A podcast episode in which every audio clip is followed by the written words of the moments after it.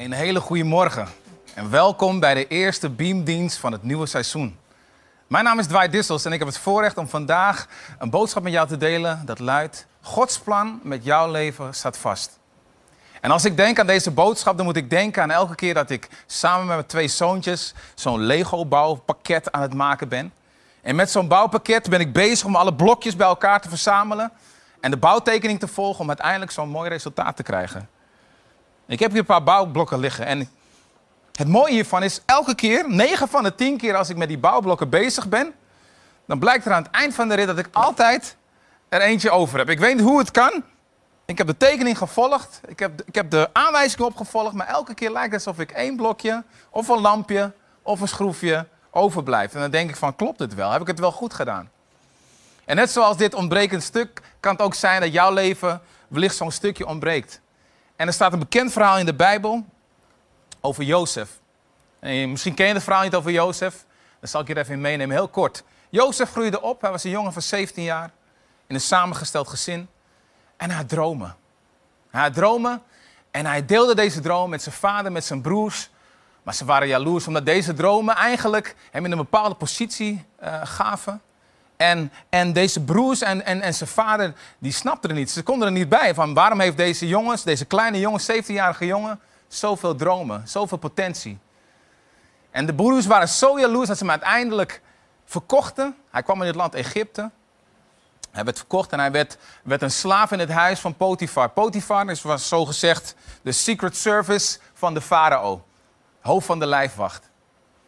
En hij was daar in het huis van Potifar. En in het huis van Potifar kreeg hij ook weer een bepaalde positie. En er staat letterlijk, als je het leest in, in een van de eerste boeken in de Bijbel, Genesis, staat daar in, in het hoofdstuk 39.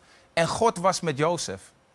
En God was met Jozef. Dus in zijn moeilijke situatie, verdreven uit het land waarin hij woonde met zijn vader en zijn broers, weg van zijn familie, weg van zijn vrienden, staat daar en God was met Jozef.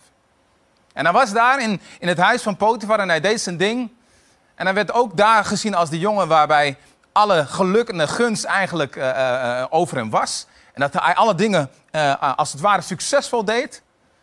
En er was een moment dat hij in een positie kwam weer dat hij in de gevangenis terecht kwam. Door een voorval waar hij eigenlijk helemaal niks aan kon doen.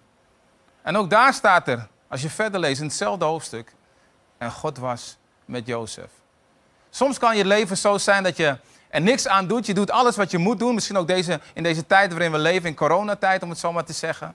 We het allemaal niet verwacht dat we, dat we nu op anderhalve meter van elkaar zouden zijn. Dat je misschien niet je oma kan bezoeken. Of misschien met je vrienden kan gaan chillen. Maar we leven in een tijd waar er heel veel onzekerheid heerst. Maar er is één ding wat ik jou wil vertellen. God is nog steeds met ons. En de reden waarom ik dat zeg is niet omdat ik het van verre heb gehoord of van iemand heb gehoord. Nee, ik heb het zelf mogen ervaren. Mijn leven was ook als het ene ontbrekend bouwstukje. Ik groeide op in een gezin. Broer van twee jongens, nee, twee zussen. Nee, geen jongens, het waren zussen. ik had een oudere zus en een jongere zus. En um, ik was tien jaar toen mijn vader kwam te overlijden. En dat was voor mij dat ene, ene stukje dat overbleef, dat niet paste in het bouwwerk, volgens mij. En ik groeide op in mijn tienerjaren op zoek naar iemand die mij kon vertellen wie ik was, wie mijn identiteit was, wat mijn identiteit was. Iemand die mij kon vertellen van hoe ik bijvoorbeeld mijn, mijn, mijn das moest strikken. Of hoe ik bijvoorbeeld een meisje om verkering moest vragen. Gewoon simpele dingen. En ik kwam bij vrienden thuis, ik speelde voetbal. En ik zag hoe zij met hun vader en met hun moeder een, een, een fijn gezin vormen. En ik had altijd iets van, er ontbreekt iets. Er ontbreekt iets in mijn leven. Tot op mijn 19 dat ik in een, in een, in een kerkdienst was waar gezongen werd over deze, deze God. Ik kende hem niet. Ja, van ver. Ik, moest wel, ik ging wel naar de dienst, maar ik ging meer voor de muziek, want de muziek trok mij. Maar uiteindelijk kwam, was daar het moment dat ik voor mezelf kon zeggen: Ja, ik ken God. God kent mij. En ik was zo dankbaar dat alles eigenlijk wat in mijn leven gebeurde, gebeurd was. Het verlies van mijn vader, het verdriet dat ik had. Dat ik s'nachts uit mijn, mijn zolderraam keek en ik me afvroeg: Oké, is dit het? Is dit waar ik voor waarvoor ik moet leven? Dat uiteindelijk God mij liet zien dat Hij een plan met mijn leven had. En misschien is jouw leven ook wellicht zo. Ik weet niet. Misschien heb jij ook, uh, woon je ook in een samengesteld gezin of zijn jouw ouders gescheiden. En lijkt het alsof jouw leven niet klopt en alsof er een, alsof er een stukje ontbreekt. Het mooie van dit alles vind ik dat God ons zijn zoon heeft gegeven, Jezus. En het mooie van, van Jezus vind ik dat, dat in de Bijbel wordt gesproken over hem dat hij een bepaalde naam heeft. En deze naam, deze naam wordt ook wel genoemd Immanuel. Ik weet niet of je dat ooit wel eens gehoord hebt, misschien met kerst. Maar dat betekent letterlijk God is met ons. En dat geeft mij de zekerheid, dat geeft mij de rust en het vertrouwen dat ook, ook al is mijn omgeving onzeker, ook al zijn de omstandigheden misschien onzeker, dat ik mag weten dat Jezus nog steeds met mij is, dat God nog steeds met mij is. En nee, ik wil je geen mooi weer of mooi weerverhaaltje verkopen. Nee, ik wil je niet uh, een verhaaltje voeden alsof alles makkelijk is. Nee. Maar ik wil je wel zeggen dat in jouw moeilijkheden, dwars door je tranen heen, mag je weten dat Jezus, dat God met ons is. En je vraagt je dus soms af, maar dat ontbreekt een stukje. Hoe weet ik nou precies waarvoor mijn leven bedoeld is? Wat het plan voor mijn leven is? Nou, ik wil je eigenlijk meenemen in een Bijbeltekst. Een tekst dat staat in, in, in Jeremia, dat is een, een boek uit het Oude Testament van de Bijbel. En dat praat over een stuk waar het volk van Israël eigenlijk in, in, in ballingschap leefde. Ze waren eigenlijk van hun eigen, eigen land waren ze weggevoerd, van hun eigen omgeving weggevoerd. En hier praat God tot het volk van Israël en hij zegt, de volgende tekst, ik ga hem even erbij pakken. Daar staat letterlijk, mijn plan met jullie staat vast, spreekt de Heer. Ik heb jullie geluk voor ogen, niet jullie ongeluk. Ik zal je een hoopvolle toekomst geven. En deze woorden geven mij zoveel rust. Dat ongeacht hoe mijn bouwwerk, hoe mijn leven eruit mocht zien, dat ik mag weten dat mijn leven in zijn handen is.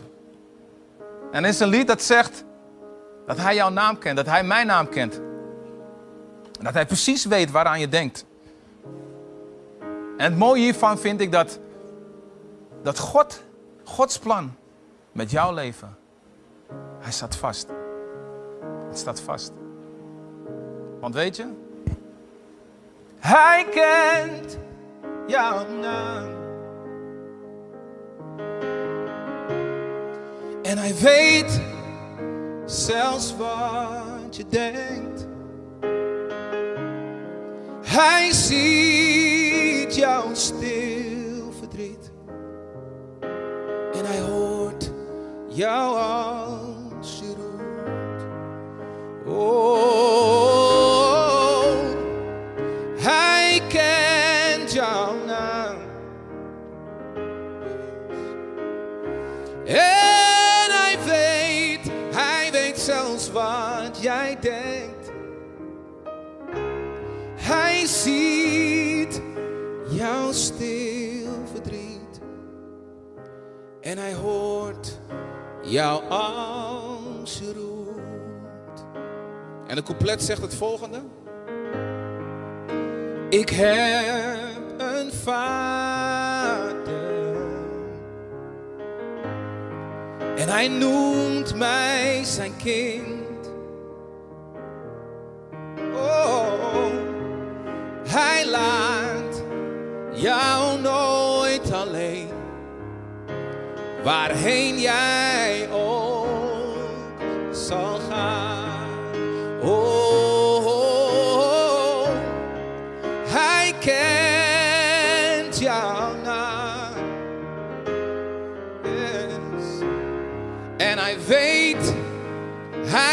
zelfs wat jij denkt. En hij ziet jouw stil verdriet. En hij hoort jou als je roept. Oh, hij hoort jou als je roept. Jij hoort jou als je roept.